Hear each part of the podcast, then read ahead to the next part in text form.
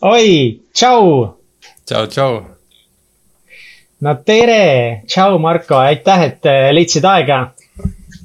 mul on ka hea meel siin esimest korda oma elus Instagram laivi teha Eh, mida ma sulle enne tegelikult ei öelnud, on see, et see on minu jaoks ka kõige esimene Insta live. ära valeta, sa tegid ühe veel On enne, ma vaatasin story dest kurat, tegin, mul läks meelest ära juba, see oli mu kõige esimene, mida ma katsetasin, eelnevad on kõik Katrin meil teinud.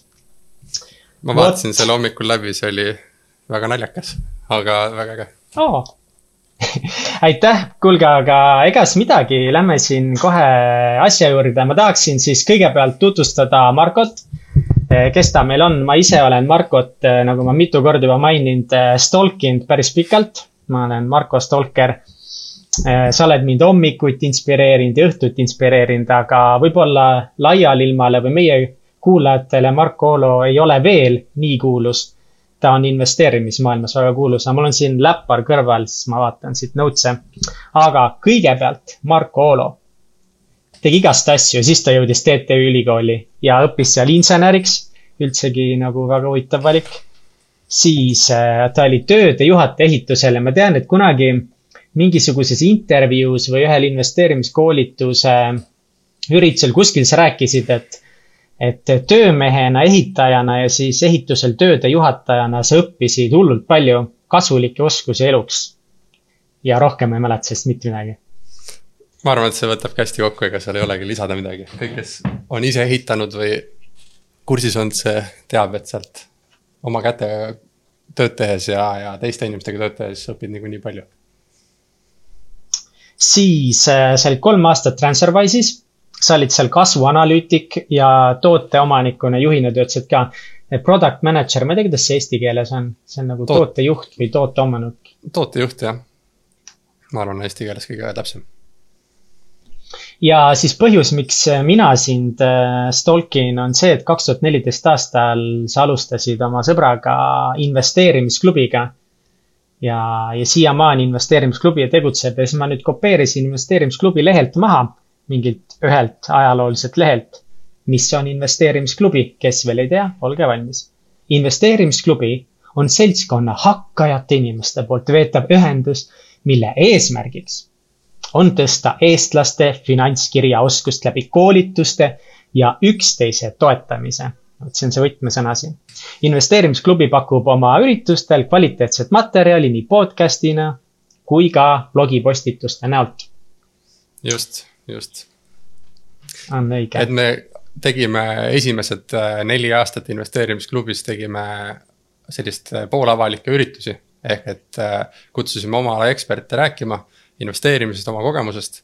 Ja, ja siis peale nelja aastat siis lülitasime ümber digitaalsele formaadile, et hakkasime rohkem keskenduma podcast'ide tegemisele. ja, ja panime kõik sisu vabalt kuulatavalt ülesse, nii et nüüd me jagame lihtsalt sisu tasuta, aga live üritusi nagu nii palju ei tee kõige suurem üritus, mis me teeme, on äh, investeerimisfestival. mis on siis mm -hmm. Eesti suurim investeerimissündmus iga aasta. mis selle investeerimisfestivali eesmärk on? Äh, ongi tuua kokku kõik selles valdkonnas tegutsevad inimesed Eestis, et alguses sai, oli, oli selle mõte nagu investeerimis ja, ja investorite suvepäevad. ehk et kui kõik selles valdkonnas toimetavad, siis tulevad suvel kokku ja jagavad kogemusi. aga see kasvas äh, kolmepäevaseks ürituseks, kus oli kolm lava ja, ja nelikümmend esinejat, nii et ja, ja õhtul bändid ja kõik muud asjad, nii et see kasvas festivaliks välja.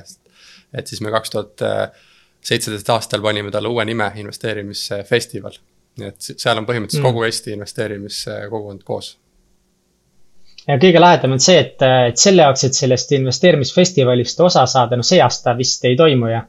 ma arvan, et eh, toimub mul on. arvad, toimub jah? ja, jah oh., et, et meil on õhkõrn võimalus, et siiski toimub ja, ja ma arvan, et nii läheb. aga eks näha ole, ma ei, sada protsenti veel ei tea.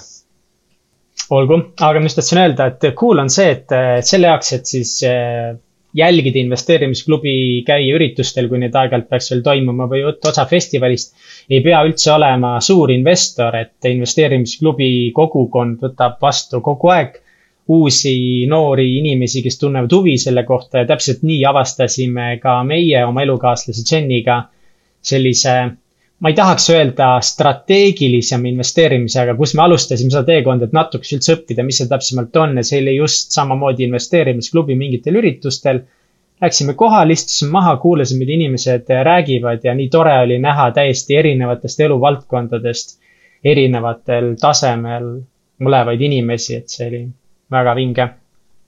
ja, et yes. ma arvan, et et äh, ei pea olema muidugi investor ja, ja üldse see definitsioon on hägune, et ikkagi noh, see on nagu teadlikkuse tõstmine, et kui sa tahad oma finantsidest äh, vastutust võtta ja nendega tegelema hakata, siis tasub nagu suhelda nende inimestega, kes seda, teised, kes seda teevad. ja parem koht seda, parim koht, kus seda teha saab, ongi sellistel kogunemistel ja üritustel ja, ja netis lugeda blogisid ja kuulata podcast'i, nii et. nii et äh, ei pea muidugi investoriks tituleerima ennast, et üldse lugeda ja, ja investeerida mm.? ma arvan, et see võib küll olla alguses hirm, aga sinu sissejuhatuse lõpuks, et siis kaks tuhat kaheksateist aastal võtsid sina minu silmis ühe kõige ägedama väljakutse vastu, kui sa astusid siis või liitusid äh, Super Angeli tiimiga. Super Angel on siis investeerimisfond ja kas kiirendi on ka õige selle kohta öelda või? Äh, jah, jah, iseenesest meil on üks osa sellest fondist on see mõte ka, et me aitame kaasa väga varajase faasi ettevõtetel areneda mm. -hmm. ja sa oled seal investeerimismänedžer. mida see tähendab? Äh, see on jah, jällegi vaata nagu product manager on tootejuht, siis äh, investment manager nagu investeeringute juht, aga, aga põhimõtteliselt äh, kogu seda fondi tegevust toimetan selle fondi tegevusega, aitan meil leida investeerimisvõimalusi ja ettevõtteid, kuhu investeerida. ja juhin seda kogu protsessi ja, ja ja kogu telgitagust ka, et äh, ma ei teagi, kas nüüd praktilisemalt mingit näidet oskan tuua, et põhimõtteliselt äh, me vaatame aastas ja mina vaatan ise ka kindlasti üle viiesaja ettevõtte läbi. ja, ja nendest potentsiaalikamatele, nendega me läheme edasi ja räägime lähemalt, kuidas me aidata saame, kuidas meist võiks kasu olla ja, ja lõpuks jõuame investeerimisotsuseni ja siis meil, äh, kui me oleme sellesse investeeri-, ettevõttesse investeerinud, siis äh, põhimõtteliselt me hakkame temaga tegutsema, aitame tal kasvada, viime kokku erinevate oma asjatundjatega, müügi coach idega. vaatame strateegiad üle, plaanid üle, laienemisplaanid, viime välismaale, kui vaja on, nii et, et kogu see asi äh,, selle telgitagust organiseerin ka ma olen äh, väga palju filme vaadanud oma elu jooksul ja sinna sisse on sattunud väga palju filme, kus on ärimehed ja kus on investeeringud, kus on raha alati on need mehed äh, ülikondades äh, sellest äh, mahotšoni või mis see puit on, mingist väga peenest Mahakon. puidust tugitool, mahakon tugitoolide peal kamina ääres rüüpavad viskit ja räägivad, kes investeerib, mitte. ja nad on vanad mehed. kas sa ei ole liiga noor, et selliseid otsuseid teha? kuidas see käib tänapäeval? kuule, see on hea küsimus, et et, et jah, ma, ma arvan, et see filmides on küll jah, kõik on ülikonnas ja Gordon Gekko ja Margin Call, igasugused sellised filmid, äh, Wolf of Wall Street, aga. aga need on kõik nagu investeerimispankuri nagu filmid enamasti, et sellised äh,. ma ei tea, millised filmid on nagu startup'ide filmid või tehnoloogiaettevõtete filmid. et mul ei tule praegu hetkel meelde, aga, aga ma ei usu, et seal nad ülikondades ringi käivad, et noh, ma töötasin ligi neli aastat Transferwise'is ka ja, ja sealne kultuur on ikkagi tehnoloogiaettevõtte kultuur, kus äh, noh, käid tööl ja, ja sa ei pea kellelegi muljet avaldama, vaid sa pead oma tööd hästi tegema ja aitama ettevõttel kasvada.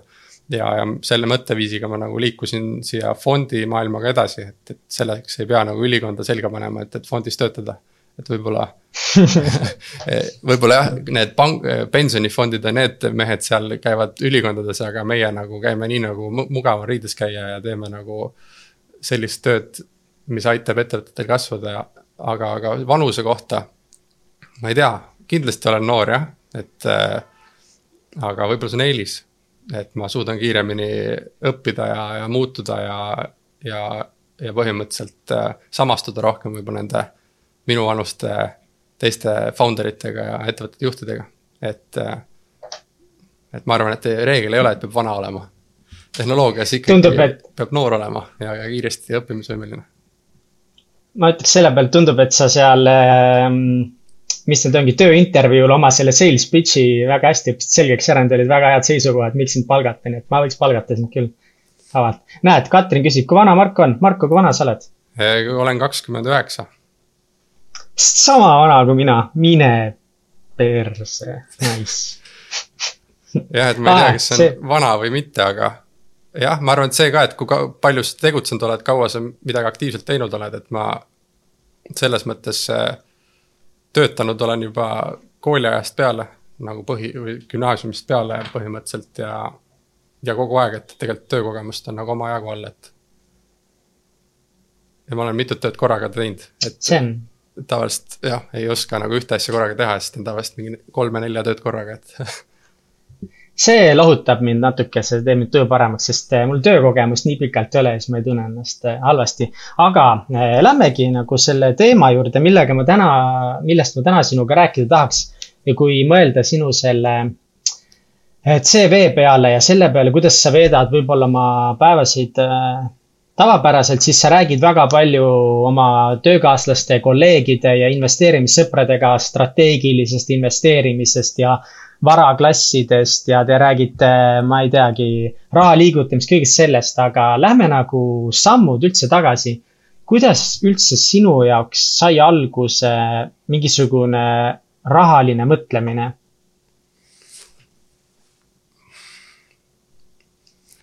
Siin on äh, nagu mitu vastust, ütleme, et üks vastus on see, noh, lähme päris nagu nooruspõlve tagasi, et siis äh, kunagi mulle väiksena äh, siis kingiti raha.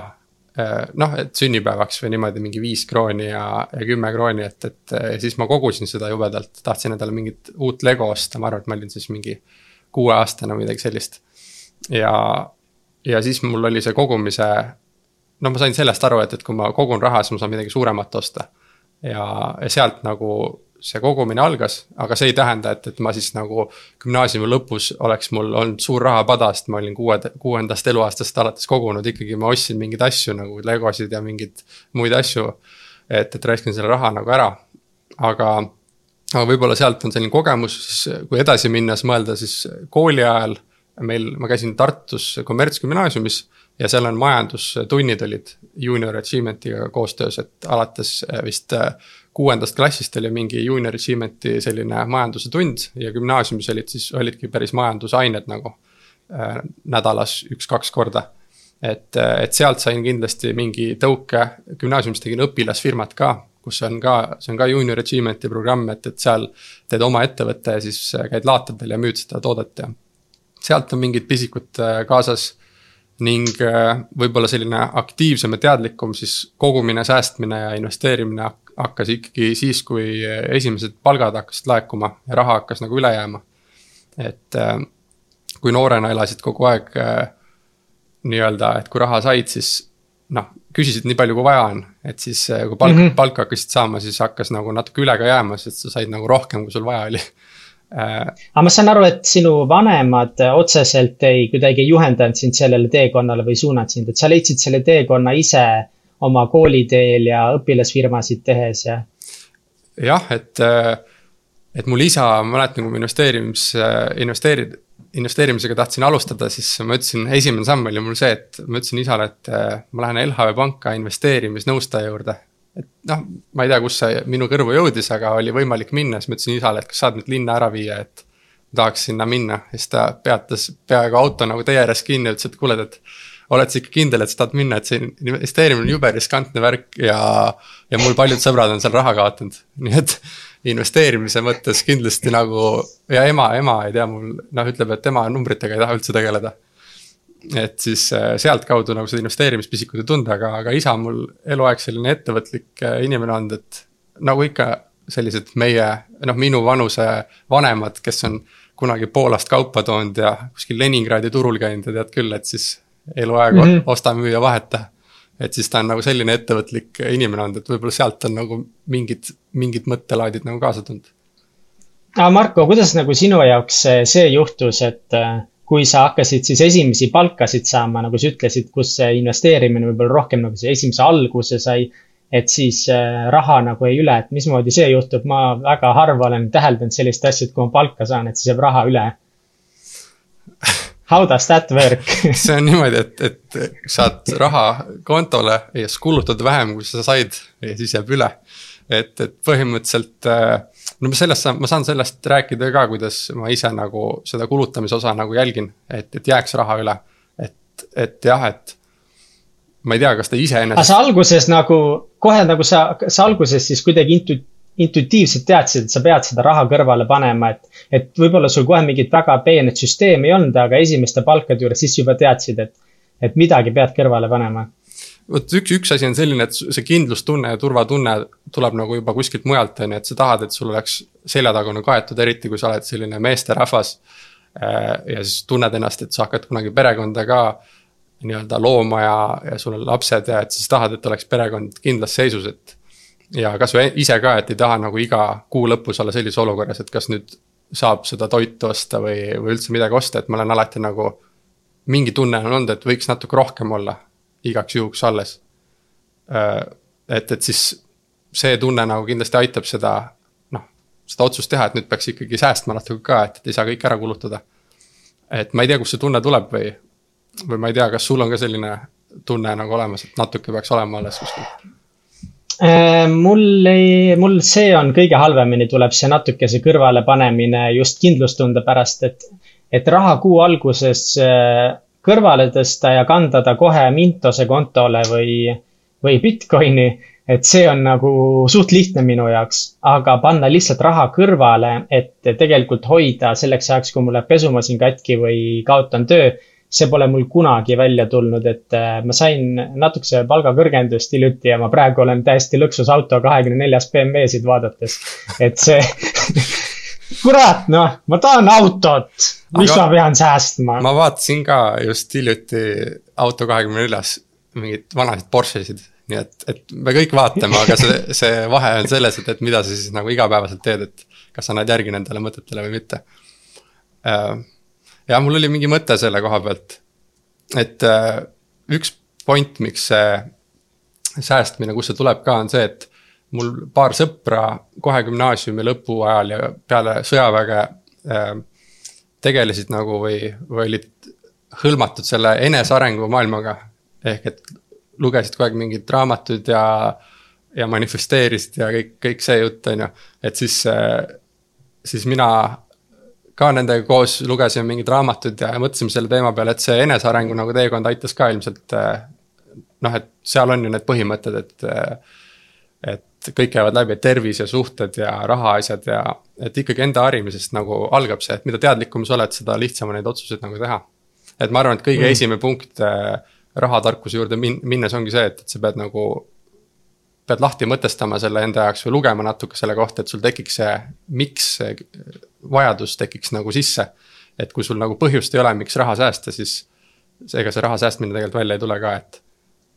noh, et mm. põhjus peab päris tugev olema see on väga hästi öeldud ja mulle meeldis siin see mõte, mida sa ütlesid, et, et peab üldse natukese lahti mõtestama ennast võib-olla, et rahaga tulevad väga palju igasugused dogmad ja, ja kinnisideed ja ka hirmud. hirmud tulevad ka kaasa ja, ja võib-olla tõesti nagu minu jaoks samamoodi kindlasti raamatute lugemine ja koolitustel käimine, seal samamoodi investeerimisklubi tagumises reas tooli peal istumine, kuulamine aitas tohutult kaasa nagu nendest hirmudest lahti laskmisel, aga, aga mis olid sinul mingid sellised esimesed hirmud või, või võib-olla valearusaamad nagu säästmise ja, ja ka raha kasvatamise osas? no hirm, hirm on see algus, et sa ei, ei tea, kust seda raha nagu noh, et sa säästad oma raha ära, et päris raske on säästa ja raske on teenida seda ja siis sa kannad ta kuhugi kontole, kus ta peaks nagu kasvama, et investeeringud on riskantsed ja. noh, mul isa ütles ka, et, et mul kõik sõbrad on enam-vähem rahad ära kaotanud, et ära investeeri, et siis äh, siis ma mäletan, mu üks esimesi investeeringuid oli, üks oli Olümpikasiino aktsia ja teine oli äh, isepankur äh,. selline portaal oli ja siis oli oma raha oli ka äh, samal ajal enam-vähem, kui ma, kui ma investeerisin, et siis. põhimõtteliselt äh, börsile raha panek oli selline, et ma olin ajalehe tagant nagu vaatan neid numbreid äh,. kogu aeg pöörad selle börsilehekülje ette, Äripäevas näiteks on hästi palju numbreid igasuguseid nagu mitte midagi eriti aru ei saa, et.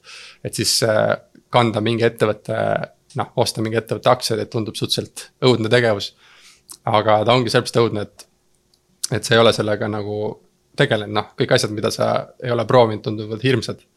Äh, ja, ja siis tei-, ja siis teine, et kanda nendesse portaalidesse raha. et ise hakata kuidagi laene välja andma, et siis noh, ma kandsingi niimoodi, et mõtlesin, et nii, ma olen nüüd mingi tuhat eurot säästnud.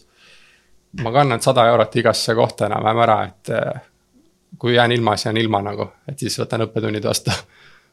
et, et alguses tuleb ikkagi nagu mingi samm astuda ja sellise rahaga, mida sa oled nõus nagu, nõus nagu kaotama mm. -hmm okei okay,, aga enne kui äh, võib-olla rääkida just sellest, et nagu, mis on võib-olla natukese mingid asjad, mida silmas pidada, kui raha investeerida, siis kuidas üldse saab teha nii ja mis süsteeme peaks järgima, et tuhat euri kuskile kõrvale jääb, et nagu ma ise ütlesin, et et äh, minu jaoks see raha säästmine on selles mõttes suht raske teekond olnud ja ma, üks nagu taktika, mida ma teen, ma olen aru saanud, et, et ma pean raha kuskil ära kandma, sest muidu ma kulutan selle ära. ja selle jaoks ma võtsin vastu sellise otsuse, et ma teen LHV panka endale palju neid kontosid ja nimetan need fondideks ja mul on seal siis SOS fond, sellepärast et ju kõik räägivad, et sul peab olema mingi poole aasta mingi palgaraha vähemalt kõrvale pandud. ma saan loogikast aru, super, iga kuu kannan sinna natukese, siis ma kandsin kontole, mida ma nimetasin investeerimiskonto. siis ma kandsin kontol, mida ma nimetasin kulutamise fond, siis mul on reisifond. mul on, issand, mis fondid mul veel seal veel on, nüüd on mul autofond ja ja Kaitseliidu fond, kuna ma olen kaitseliitlane ja ma tahan endale osta seal nagu ägedamat varustust, kui eh, antakse laos välja, siis kõige jaoks ma panen raha kõrvale. ma olen seda teinud nüüd, no neid fonde kaks aastat mm. -hmm. Kõikide fondide kontojääk hetkel on mul null peale Kaitseliidu, see on kakskümmend viis eurot. kus see, kus, kus see ülejäänud raha kadus siis vahe, eh, nagu suht eh, tihti see, mis investeerimiskonto oma on, see läheb kohe kiiresti kuskil investeerimis äh,. ongi nagu näiteks Mintosesse, kus on mingi automaatne investeerimis, mingi portfell, mis ma aru ei saa, aga see ise teeb minu eest okay,. ja Bitcoini see, see on ka lihtne kanda, aga need full fondid, need kaovad ära kus su meelerahu no,? ühesõnaga meelerahufondiga juhtub mul see, et on mingi kaks-kolm kuud kogun seda ja siis saab mingi kuu läbi, aga mul on raha nagu veel, kuud on nagu alles jäänud pärast raha. raha saab otsa, aga kuu ei saanud otsa, siis ma nagu natukese võtan sealt, et ma panen pärast tagasi. ja siis äh, tuleb midagi suuremat ette, siis ma jälle võtan sealt, panen ära, siis näiteks äh, nüüd oli Headspace'i mediteerimisäpi aasta pakett oli üheksakümmend üheksa euri, muidu sa maksad mingi viisteist või kai kaksteist euri maksan kuus. aga nüüd sai family paketi neli inimest üheksakümmend üheksa kogu aasta. hullult palju säästan, on ju, aga mul ei olnud endal nagu kõrvale pandud nagu kulutamisfond üheksakümmend üheksa euri. siis ma võtsin sellest teisest fondist, sest mul oli vaja seda ju mm. -hmm. ja niimoodi ma olengi selles samas olukorras tagasi mm -hmm.. okei okay,, et kui nüüd neid samme mõelda, ma annan võib-olla kaks äh, mõtet, mis ma ise tegin äh, esiteks, et saada paika see miks küsimus ja siis, siis järgmisena ma räägin, kuidas ma ise olen neid äh, nagu kulusid jälginud ja kuidas säästa nagu rohkem ja seda alles hoida. et kaks harjutust, mis ma ise tegin. on üks, üks on selline, et üks oli turniiritabeli meetod, ehk ma kirjutasin äh, A4 paberile niimoodi ülevalt alla. kirjutasin äh, kõik asjad, mida ma soovin, tahan või, või kes ma tahan olla, kirjutasin ülevalt alla niimoodi. rea-realt kõik asjad, mis pähe tulid, proovisin nagu paberi peale panna, see võttis aega mingi poolteist päeva mul. nii kui enam nagu midagi rohkem ei tundnud, et siis ma sain sinna mingi seitsekümmend asja. et a la tahan autot ja tahan ratast ja tahan reisida sinna, tahan sellist perekonda tahan olla terve ja maratoni joosta ja kõik asjad. ja siis ja, ja mis sealt edasi teha, on see, et, et sa hakkad kõrvutama neid äh, neid turniiri, tabelis olevaid siis äh, asju, mida sa soovid, et esimese äh, vast-, kõrvutad järgmisega ehk et esimese vastu teist, et kumba sa rohkem tahad. ja seda, mida sa vähem tahad, selle tõmbad maha nagu ja siis see, kumba sa rohkem tahad, saab järgmisse vooru. ma ei tea, kas see on loogiline. et. aga sa... kas niimoodi ei juhtu seda, et kui sa paned kaks väga head asja ülesse kõrvuti kohe, aga alla jäävad kehvemad asjad, et siis sul alt kehvemad asjad pääsevad turniiritabelist läbi mm -hmm. ja ülevalt sa tõmbad võib-olla paremaid asju maha mm. -hmm. et seal juhtub nagu selline asi, et sa teed seda turniiri lõpuni välja põhimõtteliselt nii kaua, kui sul jääb umbes seitse, viis kuni seitse asja jääb alles et okay., et ja tavaliselt on nii ka, et kui sa kirjutad neid asju maha, siis sa kirjutad sarnaseid asju mitu korda, aga teiste sõnadega. et a la, et mm. armastus ja, ja suhted ja pere, et kirjutad erinevalt need asjad välja. aga nad jäävad sul ikkagi kuhugile tabelisse nagu alles. ja siis, kui sa selle jõuadki turniiri tabeliga sinnamaale, kus sul jääb nagu viis kuni seitse asja alles, siis need on tõesti sellised asjad, mida sa ei taha üksteise vahel kõrvutama panna, et sa ei hakka panema, et oma perekond ja oma tervis, et kumma ma siis maha tõmban et, et aga siis see, see harjutus annabki sulle ülevaate sellest, et mida sa tegelikult tahad ja mis on need asjad, mis sul on nagu kuskilt sotsiaalmeediast või ühiskonna poolt kaasa tulnud, et siis väga lihtne on maha tõmmata igasugused noh, materiaalseid asju nagu. tahan seda ratast või tahan seda autot või seda, et siis alles jäävad ikkagi need asjad, mida sa kõige rohkem tahad. nii et see on üks viis, kuidas saada aru, et, et mille pärast nagu üldse raha säästa ja kuidas investeerimine ja finantsiline vabadus aitab sul nagu neid asju paremini teha. Näiteks, et pere mõttes saad rohkem aega perega veeta. tervise mõttes saad rohkem aega tervisele pühendada, paremini süüa, rohkem trenni teha Äh, ja, ja nii edasi. ma see... korra siin vahel ütleks, et äh, sa kirjutasid Mediumis ühe hullult laheda nagu siukse lühikese artikli, väga visuaalse. et äh, põhimõtteliselt see artikkel kirjutas siis seda, et miks sina nii-öelda investeerid. ja sa tõid välja seal, et kui palju nagu tänast oma statistikat vaadates sul on jäänud mingeid soojamaa reise, kui palju sul on jäänud pere külastamist ja ma ei mäleta, mis seal veel oli. ja siis ja kui sa vaatasid, et kui sa investeerid oma aega ja raha, et siis pärast see tulem peaks justkui aitama neid soojaamareise rohkem teha äh,, vähem töötada ja veeta näiteks seeläbi rohkem aega oma vanematega. Just, just, et see, see on see teine mõte, mis ma mõtlesin, et, et võib läbi mõelda enda jaoks või, või lugeda kasvõi selle artikli läbi, mis ma kirjutasin, et. et ma mõtlesin enda jaoks lahti selle, et siis noh, turniirimeetodist tulid välja, et mis minu jaoks olulised on ja siis ma hakkasin vaatama, et et äh, kui ma ei investeeri ja kui ma nagu raha kõrvale ei pane ja kui ma seda endale seda vabadust ei osta, ajalist vabadust nii-öelda. et siis äh, kui palju mul on aega nende jaoks panustada ja näiteks kui ma võtsin perega veedetud aja, et siis lapsepõlves olid seitse päeva nädalas enamasti kodus, enamus aega vanematega koos ja pärast seda, kui sa kodust välja kolid, siis sa ja lähed teise linna õppima või teise riiki õppima, siis sa tavaliselt äh, Äh, näed vanemaid kord kuus või kahe, kahe, kahe kuu jooksul ühe korra nädalavahetusel. ja kui sa arvestad selle aega sisse, siis tegelikult selle aja peale, kui sa kodust välja kolid, oled sa juba üheksakümmend protsenti oma ajast oma vanematega ära veetnud. Ainult kümme protsenti ajast, mis sa vanematega veedad, juhtub pärast seda, kui sa välja oled kolinud. et siis näiteks, kui sa investeerid ja säästad ja ei pea tööl käima, siis sa saad noh, rohkem aega vanematega veeta, ei pea ühe korra kuus käima sellepärast, et sul on tööasjad, vaid äh, sul on rohkem aega käia, samamoodi spordiga. samamoodi reisimisega, et kui muidu, kui sa käid tööl, täpselt nii nagu me kõik käime, et täiskohaga näiteks tööl. ja sul on kakskümmend kaheksa kalendripäeva puhkust, sa käid ühel pikamaa reisil. Ja kui sa käid viiskümmend aastat järjest iga aasta ühel pikamaa reisil, sa käid kokku viiekümnel pikamaa reisil. aga siis, kui sa ei peaks nii palju töötama ja sul tuleks raha passiivselt kontole, siis sa saaksid käia ju kuus kasvõi mitu korda või, või tähendab, mitte kuus, või aastas mitu korda. ehk põhimõtteliselt saaksid suurendada oma külastatud riikide arvu, et viiekümnelt näiteks saja peale. et, et sellepärast see investeerimine ongi nagu oluline, et sa saad osta aega juurde ja võimalusi juurde nendele asjadele, mis sul olulised on.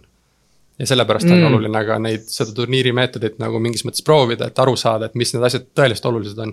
sest kui sa säästad hästi palju raha ja raiskad selle ära, ostad mingi tarbeeseme, mis sulle annab ajutiselt äh, rõõmu, aga pikaajaliselt võib-olla noh, ei ole nii fulfilling või täitev sinu jaoks, siis äh, siis äh, läks nagu raisku see ost et enne tuleks aru saada, mida sa tegelikult tahad, on ju. et uh., et need, jah, et kui sa ostad nagu neid kulutusi endale ka või tarbeesemeid, siis see pigem pärsib seda vabadust, kui annab seda juurde. sest et igal tarbeesemel on omad üle, ülalpidamiskulud ja iga, iga see ülalpidamiskulu röövib seda raha, mida sa saaksid nagu kasutada enda ülalpidamise, enda ülale, ülalpidamise peale, et mm.. et, et need kaks mõtet on nagu turniiri meetod ja see võib-olla blogipostitus, mis sa mainisid, on kaks asja, mis aitab seda miks'i paika panna, et miks investeerida ja miks äh, rahaasjadega tegeleda. panen kirja need kaks endal, see on väga-väga hästi öeldud, et ma iseenda jaoks kohe nägin siin paralleele, et et ma täna töötan analüütikuna Helmeses ja meil on äh, täiesti nagu võimalik ka rääkida, et oo, ma tahaks võib-olla poole kohaga töötada mingi aja. ja, ja kui mul rahaliselt ei oleks täiskoha palka vaja, kui mul oleks näiteks mingisugune raha kõrvale pandud investeeringutega, teenikski nii palju raha, et ma saaksin pooled oma kulud ära katta, siis ma saaksin ülejäänud ajaga tegelikult Kaitseliidu õppustel rohkem käia, mulle meeldib püstoliga metsas tulistada ja sport, taktikalise laskmise trennis käia rohkem. jitsi trennis käia rohkem, et täna ongi see, et ma pean nagu tegema valikuid kogu aeg, sest aega jääb päris palju vähe alles. ja ma pean pidevalt valima, et nagu mul on mingi kolm sellist asja, mida ma hullult tahaks kõiki teha. Aga ma kogu aeg saan ainult ühte teha ja see vahepeal on hästi frustreeriv mm. -hmm. ja ma arvan, et siin finantsilise vabaduse või sellise investeerimisega, defineerimisega tuleb ka nagu õiglaselt äh, käituda, et, et kõik räägivad, et, et nüüd ma saan miljonäriks ja rahast vabaks, aga.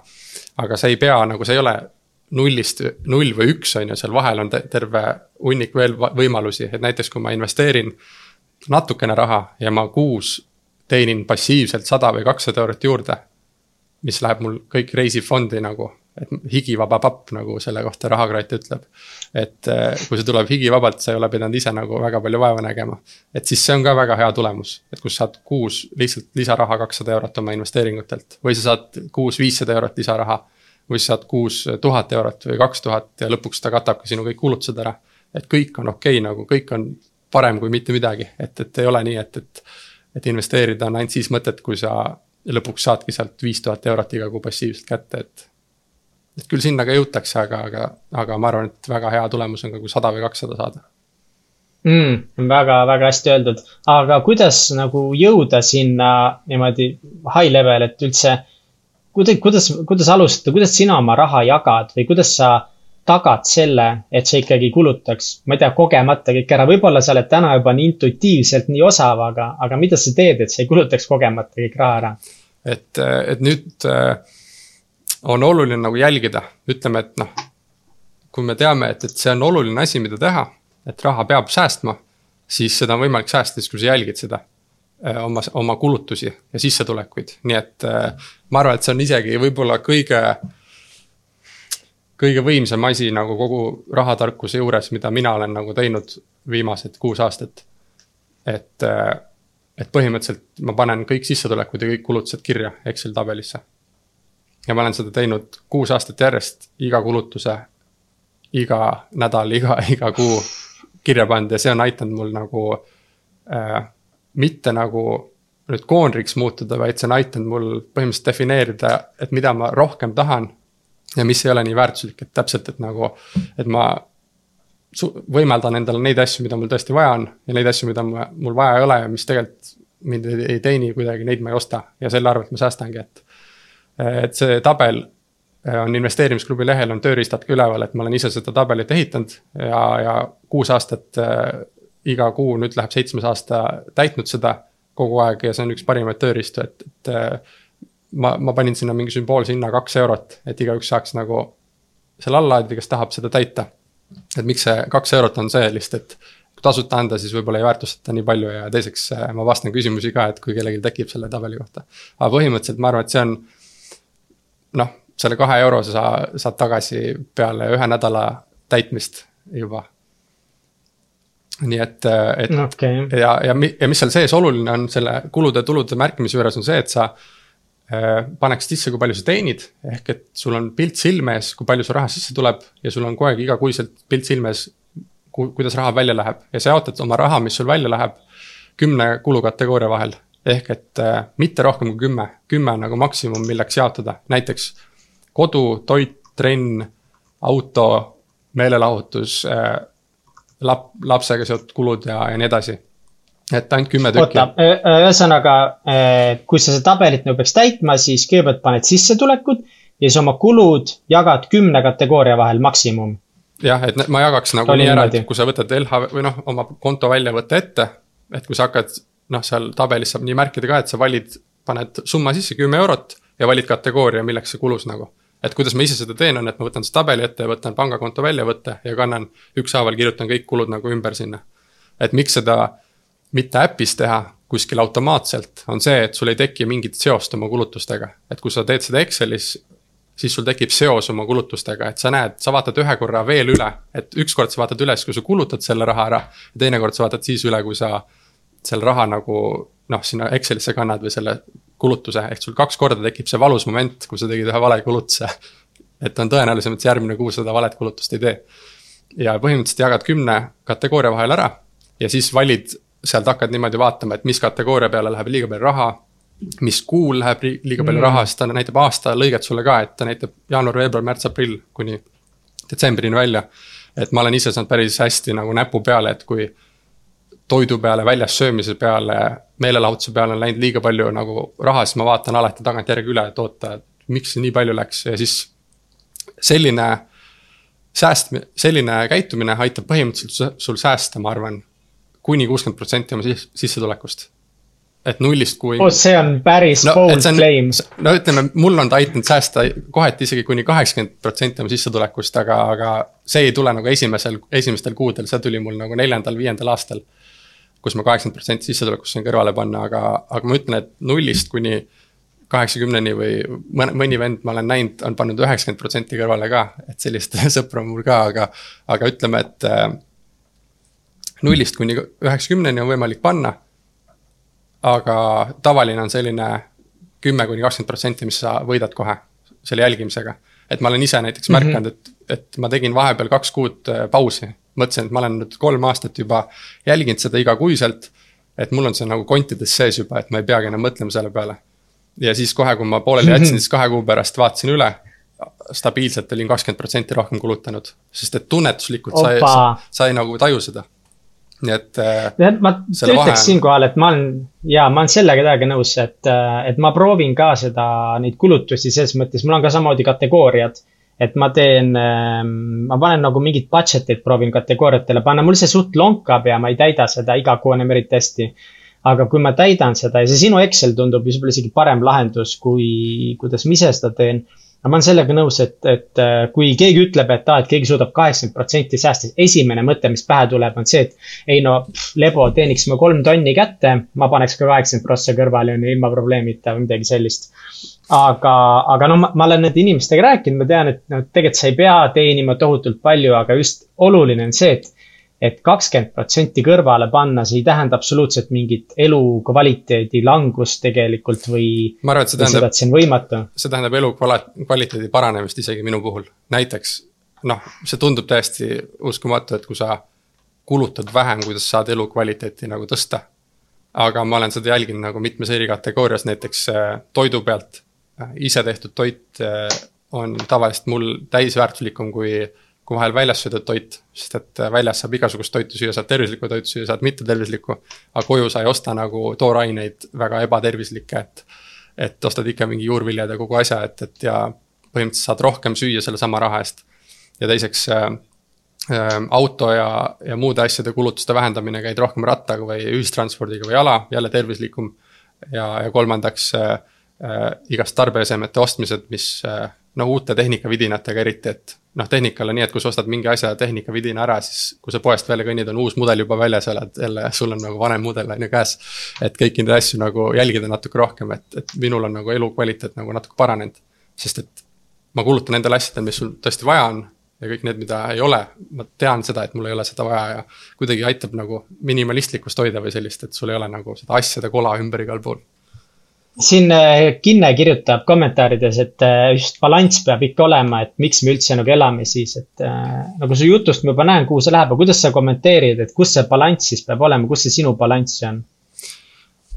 jah, ei, ma olen sellega nõus, ma olen sada protsenti nõus, et äh, asjad ei ole must ja valged ja, ja balanss ja tasakaal on nagu kõige tähtsam, et äh, ma olen nagu nõus sellega. et, et igaüks lõpuks ikkagi teeb otsused, mis teda teenivad, vaata ja, ja mul, mulle tundub, et et mulle on see kasuks tulnud. ja see aitab mul elu veel rohkem nautida. et selles mõttes äh, minu elu jaoks on see parema balansi toonud, kui mul rahaasjad on korras kui mitte, sest et äh, tänasel hetkel nagu ma saan äh,. Äh, mul ei ole ühtegi tarbimislaenu, mul kõik asjad on, mis vajalikud on, on välja ostetud äh,. ma saan käia reisil noh, põhimõtteliselt niimoodi, et, et mul sääst-, ma ei pea säästudest kunagi võtma. et, et ma ei jää nagu kunagi äh, kuu eelarvega miinusesse, kui ma reisile lähen, ükstapuha millisele reisile põhimõtteliselt. Ja, ja... aga see siis on ikkagi nagu, see ei ole niisama, et sa hakkasid tegema ja kohe tuli, et kas see siis on nagu pikaajaline töö või see on kuidagi, et hakkasid säästma ja kohe oligi olemas? ei no see on ikkagi jah, nüüd täna on ju, et seitse aastat äh, tagasi oli olukord selline, kus ma mõtlesin, et kui palju ma saan äh, säästa oma sissetulekust ja ma sain maksimum nagu pingutades kümme protsenti säästa. no absoluutne maksimum, see oli sada eurot nagu või alla saja euro sain säästa natukene. ja siis ma panin eesmärgiks, et ma tahan jõuda kunagi selleni, et ma saaksin kakssada eurot nagu kuus säästa öö, oma, oma palgast ja see tundus täiesti ebareaalne tol hetkel. ja siis äh, niimoodi panedki väikse eesmärgi, hakkad nagu vaikselt minema, proovid rohkem säästa. ja kui sa keskendud sellele, siis sul hakkab tekkima võimalusi, sa oskad neid ära kasutada. ja, ja täna mm., täna ma ei teagi äh,. Jah, koos investeeringutega kõrval läheb ikka väga palju raha, et, et selles mõttes äh, täna ei ole nagu enam mõtet lugeda niimoodi nagu, et äh, või ma ei tea las see aga, teema. aga räägime teema. natukese just, et nagu mulle väga meeldibki, ma olen nagu nõus, et investeerimine ise on suht pikk ja lai teema. ja nüüd ütlesid nagu, kõige selle võtmesõna üldse, ma olen ka nõus just elukvaliteedi, mõnes mõttes elukvaliteedi üks nagu võtmetest ja meelerahu üks võtmetest on just see kulutuste järgimine, et kui sa ikkagi kirjutad kõik ülesse, mida sa kulutad, kuhu sa kulutad, siis see sul ei ole üldse vaja nagu üldse palju raamatuid läbi lugeda, et sealt hakata tegema juba väga tugevat analüüsi, et sealt tõmmata väga selgeid jooni, mida edasi teha, aga sellele peale tasub hakata ehitama, lugema, natukese vaatama, mida kõik teised blogid kirjutavad, aga kui sa selle sada ja kakssada euri suutsid mingi hetk kõrvale panna, et nagu, mida sina soovitaksid nii-öelda inimesele, kellel on võimalik juba panna sada, kakssada euri kõrvale ja tahaks hullult alustada mingisuguse investeerimisega? Et ma tean, et nagu väga palju infot investeerimise kohta leiabki kasvõi sama investeerimisklubi materjalidest, kõik kirjutavad sellest ja me täna siin ei, ei aja mingit absoluutset tõde taga, aga mis sa ütleksid mingi paar pointi mm? -hmm. et äh, võib-olla ühe asja veel nagu ütleks juurde enni, ennist, äh, mis me jutu, jutuajamisel, et, et äh,. et see säästmine ja, ja, ja, ja raha kõrvale panemine, et, et, et miks, et mille arvelt nagu kokku hoida, et just kokku hoida nagu nende asjade arvelt, mis, mis ei teeni sinu nagu elu või sinu unistusi. et on kahte sorti asjad, mille alla on mõtet nagu raha panna. üks on see, et oma põhivajadused ära täita ja, ja pere eest hoolitseda ja teine on see, et oma unistusi nagu täita. et ma ei ole kunagi nagu raha vähem kulutanud selle enda unistuste nagu täitmise arvelt sest et meil on ikkagi nagu noh, üks elu ja, ja kogemused nagu loevad ja, ja need asjad, emotsioonid, nii et äh, minu jaoks nagu vajalikud kulutused on need, et ma oleksin, põhivajadused oleks kaetud, pluss mu unistused oleks täidetud. ja kõik muud asjad, nende arvelt ma saan nagu säästa, et ma ei taha nagu öelda inimestele seda, et, et ma ise olen nagu lihtsalt kõik kulud ära lõikanud. et, et ma olen ära lõikanud ebavajalikud kulud, aga aga nüüd, kui jah, rääkida sellest või sa tahtsid kommenteerida? oota, ma ma ei, see oli väga hästi öeldud, siin Andi küsib, et kui panna kõrvale iga kuu viiskümmend prossa ja kogu selle raha eest osta pärast diivan, kas ta on ikkagi viiekümne protsendi klubis? ei, siis ta ei ole jah, et, et see on. Peaks, Andi, sitt lugu. peaks nagu niimoodi mõtlema, et, et see protsendiklubi tähendab seda, et kui palju sa kõrvale paned ja investeerid. ehk et see on kõrvale pandud raha, mis on nagu investeeritud, kui see on nagu pandud kõrvale, et, et tulevikus kulutada siis ta on põhimõtteliselt nagu kulutatud, noh, raha alla võib lugeda. ja ma vastan Mirrule ka kohe ära, et tema ütles, et kuhu raha kõrvale panna, et kas pean selleks uue pangakonto tegema, midagi sellist, siis mina soovitaksin kindlasti uut pangakontot ja ma ei teagi, et kui sul näiteks täna on tavakonto Swedbankis, siis võib-olla tee isegi LHV-sse ilma kaardita pangakonto, sest kui mind vaadata, siis mõned fondid tõmban ikka tühjaks jah, et, et nüüd, kui see paar sotti alles jääb äh, või sada eurot kuus, et siis kus seda panna, on üks see, et, et tõesti, et mingi süsteem peaks olema, kus see raha nagu läheb, et ei jää sulle sinnasamma kontole. enamasti see on psühholoogiliselt nagu parem, et sa ei saa seda ära kulutada. Äh, mis ma soovitan, on panna teda natuke raskesti, raskemini kättesaadavasse kohta, et sul on nagu näiteks ühes pangas, ühe panga sisene raha liigutamine käib sekunditega. et põhimõtteliselt teed selle orderi ära kanna teise kontole ja ta on kohe seal. et tegelikult peaks siis tegema ta kuhugil mujale, et täna on nagu asi veel halvemaks läinud selles mõttes, et kõigi pankade vahelised kanded toimuvad ka nagu sekundiga. et siis mm, -hmm. siis võiks olla nagu mingi muu variant, et on olemas hoiused. ja on olemas võimalik teha sellist asja, et kui sul on see meelerahufond näiteks. et sa paned selle äh, nii-öelda kose meetodil hoiustesse.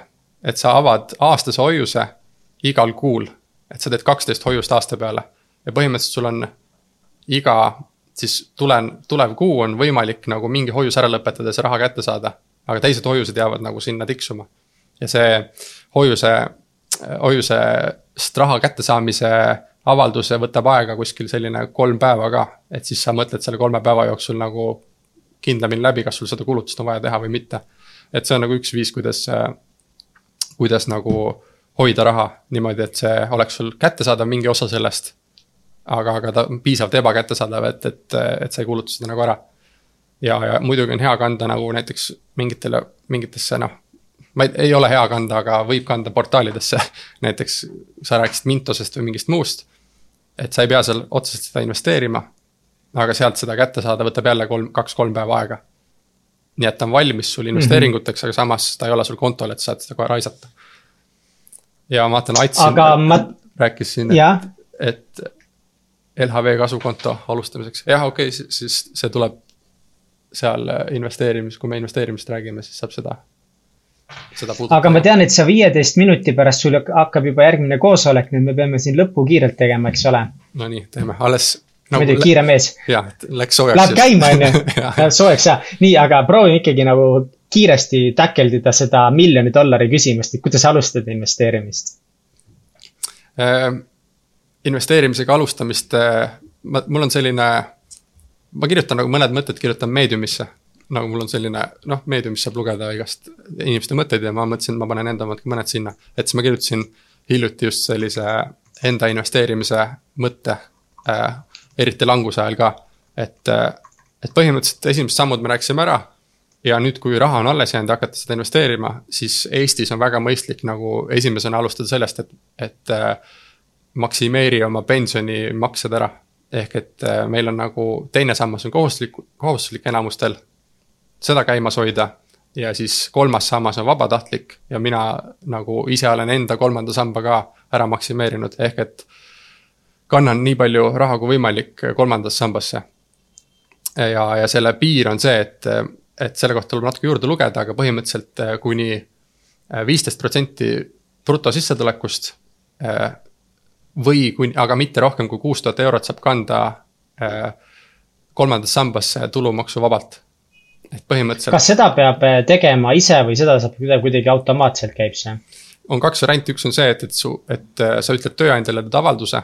ehk et tööandja äh, arvestab juba palgaarvestusel selle raha maha. ja siis kannab sinu kolmandale sambale äh, selle raha või siis teine variant see, et sa saad palga kätte, sa kannad selle ise oma kolmandasse sambasse ja siis pärast tulu, tuludeklaratsiooniga saad tulumaksusoodustust. ehk et põhimõtteliselt saad investeerida indeksfondidesse Äh, ja saad kohe kakskümmend protsenti tulumaksusoodustust. Äh, kui sa võtad selle raha välja nüüd äh, enne viiekümne viiendat eluaastat, siis sa maksad selle kakskümmend protsenti tulumaksu tagasi. aga kui sa võtad selle pärast viiekümne viiendat eluaastat, siis maksad ainult kümme protsenti tulumaksu tagasi. ja kui sa pensioni käigus seda tagasi saad, siis tulumaksu nagu ei maksa. Nii et, et see on selline investeering, mis nagu noh, see on väike osa sinu kogu investeeringutest ilmselt, aga, aga seal on nii hea tulumaksusoodustuse variant, et nagu seda on nagu patt mitte kasutada ja see on hästi laiapõhjaline investeering ka. nii et esimene samm oleks oma pensioniasjad nagu kord, korda ajada, et USA-s on kõik kuulnud, USA-s on selline väljend nagu max out your four oh one K või? Mhm, four oh one K jah. jah, et, et max out your four oh one K-s, Eestis on nüüd selline asi, et max out your third pillar. Et see on nagu mõistlik okay. alati teha, et selle kohta saab lugeda juurde, et ma ise tuleva kaudu nagu seda kolmandat sammast investeerin, et seal on noh, kõik küsimused vastatud ka, et kes tahab juurde lugeda. ja nüüd, kui on pensioni asi on korras äh, ja pikaajaline investeerimisplaan on nagu selles mõttes paigas on pensioni jaoks, siis edasi, kui jääb raha üle, siis ma hakkaks nagu vaatama, kus seda nagu investeerida.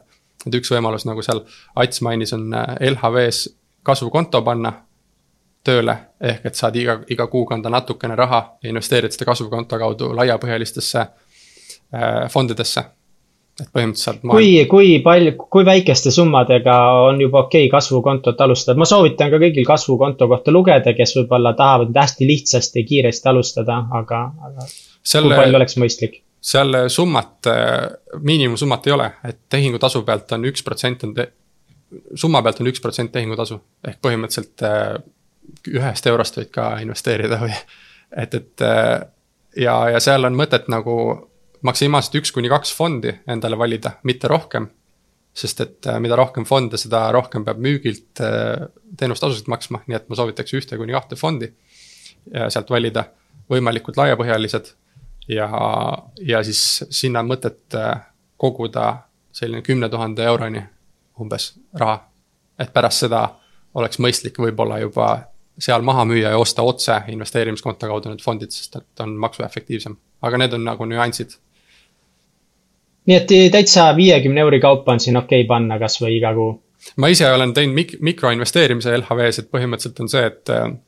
et mul iga kaardimakse pealt ümardab ta selle summa nagu täis summaks ja need sendid, mis ta ümardas, kannab ta sinna kasukonto peale. või sinna mikroinvesteerib jah sinna kasukonto peale, et põhimõtteliselt ma nädalas investeerin seal seitse kuni kakskümmend eurot mm.. ja siis, ma olen ka seda proovinud, see on päris. et automaatselt. päris kiiresti kus, koguneb. jah, iga kord, kui sa midagi ostad, samal ajal investeerid ka nagu väga hea nagu counter tarbimisele. aga investeerimise osas ma küsiks ühe sellise küsimuse, mille Mirru siin jälle küsis, mis on väga hea küsimus, mida väga paljud nagu inimesed mõtlevad ilmselt, kes on selle teekonna alguses või kes mõtlevad, kas alustada. Et kas saan kindel olla, et see raha nii-öelda kuskile ära ei kao? rääkides siis näiteks LHV kasvukonto silmis. et äh, ma saan olla, saan öelda et, et sada protsenti on kindel, et see raha kaob ära, kui sa sellest midagi muud ostad et nagu, kui sa ostad selle eest poest midagi, siis on sada protsenti on see kadunud, see raha. see on nagu kindel. ja kui sa investeerid selle raha, siis äh, tõenäoliselt vaadates ajalugu siis see kasvab ajas või see sinu vara väärtus nii-öelda suureneb. kuid periooditi võib olla ka aegu, kuni selle vara väärtus kahaneb ja, ja põhimõtteliselt praegu on ka üks selline aeg, et praegu on majanduslanguse aeg ja, ja paljud varaväärtused on võrreldes jaanuarikuuga palju kukkunud, ehk et, et noh, see vara väärtus on langenud, aga samas võrreldes tarbimisega me ei ole sada protsenti seda ära raiskanud ja, ja kui majandus taastub, siis need hinnad lähevad ka üles tagasi et see ongi, et, et kui majandus nii-öelda langeb ja minu nii-öelda nende investeeringute väärtus langeb, siis see ei tähenda, et ma nendest investeeringutest ilma olen jäänud. lihtsalt tollel hetkel nende see summa on väiksem nii-öelda. jah, et selles mõttes sul on ikkagi sama palju neid osakuid või sama palju neid aktsiaid või, või mida iganes, aga lihtsalt nende väärtus on ajutiselt alla tulnud. ja, ja kuna sinu investeerimishorisont enamus inimestel peaks olema hästi pikaajaline, siis pikaajaliselt aktsiaturud on ikkagi näidanud üle seitsmekümne protsendi ajast on nad seitsme, üle seitsmekümne viie protsendi ajast nad kogu aeg kasvavad.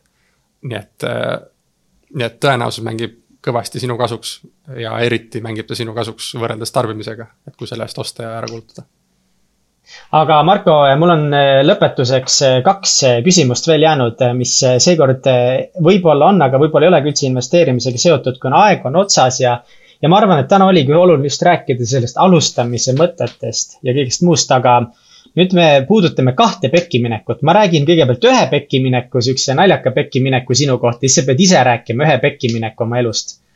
Eh, minu pekkiminek on see, mis oli nii nunnu sinu puhul. sa kunagi jooksid iga hommik. Ja sa panid Instagrami pildi üles sellest, kuidas iga hommik jälle jooksid, võib-olla mõnesid ajasid jumala kettasid, Marko jälle kapsib seal või kepsib aga minu jaoks oli kuidagi lahe, et alguses ma ei pannud tähele, kui sa olid juba mingi aasta või alla aasta nagu iga hommik jooksnud, siis ma vaatasin, et oh, lahe, et davai, kas järgmine hommik Marko jälle jookseb. ja sa jooksid vist iga hommik, ma ei tea, üle aasta või midagi sellist, iga hommik. ja siis ühel õnnetul päeval kuskil, ma ei tea, Mehhikos, jumal teab kus, sa murdsid oma jalaluu ära ja sa ei saanudki enam jätkata seda täiesti imelist harjumust, mille sa olid suure tööga saavutanud, aga sinu jaoks läks küll see habit nii-öelda perse, sa ei saanud midagi selle vastu teha, aga ühiskond ja sinu sõbrad ei andnud alla ja nad läksid ise hommikul sinu eest jooksma ja panid pildi üles, et joo, Marko, me jookseme hommikuti ja see oli nii nunnu. jah, see on tõsilugu jah, viissada seitsekümmend kuus päeva järjest sai joostada, seda ma vaatasin. oli kurb ka või, kui see pooleli nagu jäi? nagu kurb ja, ja samas, samas nagu kergendus ka et muidu ma ei teadnud, kuna see ära lõpeb nagu. et kaua ma, kaua ma siis jooksen tegelikult nii, aga nüüd lõppu, äh, üks perseminek sinu elust. et äh, ma ei ole nagu ette valmistanud seda Peppu minekut, üks Peppu minek äh, nüüd näiteks selline, et seesama ma rääkisin, kuidas ma lapsepõlves raha kogusin. et siis ma olin umbes kuueaastasest või viie-kuuesest hakanud koguma. meil oli selline süsteem, et, et, et sünnipäevaks said kümme krooni ja kui on kellelgi teisel sünnipäev nagu õel, siis anti sulle ka lohutuseks viis krooni. ja siis kõik sendid ja taarad ja kõik asjad, siis ma kogusin kokku ja mul oli kokku kogutud äh, viissada krooni. et see oli mingi paari aasta, kolme aastaga kogutud ülisuur raha minu jaoks ja ma tahtsin selle eest hästi suurt mingit ägedat legot osta. me läksime õega äh, siis Tartu kaubamajja bussiga ja siis äh, lugesin veel raha seal kaubamajas või seal bussi peal ja siis läksime poodi sisse, vaatasime Lego riiulite, riiulite vahel ringi. ja ma olin nii kaua seda raha kogunud, ma ei raatsinud seda ära raisata et ma ei ostnudki mitte midagi, siis ma istusin bussi peal tagasi. sõitsime tagasi, ma veel imetasin, kui palju raha mul on. ja siis, äh, kui ma koju jõudsin, siis rahakott oli kadunud. et keegi oli näinud, et ma vist äh, lugesin seda raha. ja siis varastas äh, kaheksa-aastaselt või kuueaastaselt, ma ei mäleta, kui vana ma olin, poisilt siis viissada krooni ära, mis ta kolm aastat kogunud olid, olin. nii et see on kõige suurem pekkiminek, ma arvan aitäh, Marko, sulle su aja eest, üliäge oled, jaga ikka oma tegemisi meiega edasi ja kui kõigil siin kuulajatel on küsimusi investeerimise kohta, siis investeerimisklubi või kirjutage otse Markole, spämmige ta inbox täiega täis. ma tänan sind selle üleskutse eest, et vastan nii palju, kui saan ja aitäh, et kutsusid. kuule, aga head päeva sulle, tšau. Tšau, tšau ja tšau teile ka, et ma siis lähen ka minema, mul on ka tööpäev, tööd on vaja teha veel. aidaa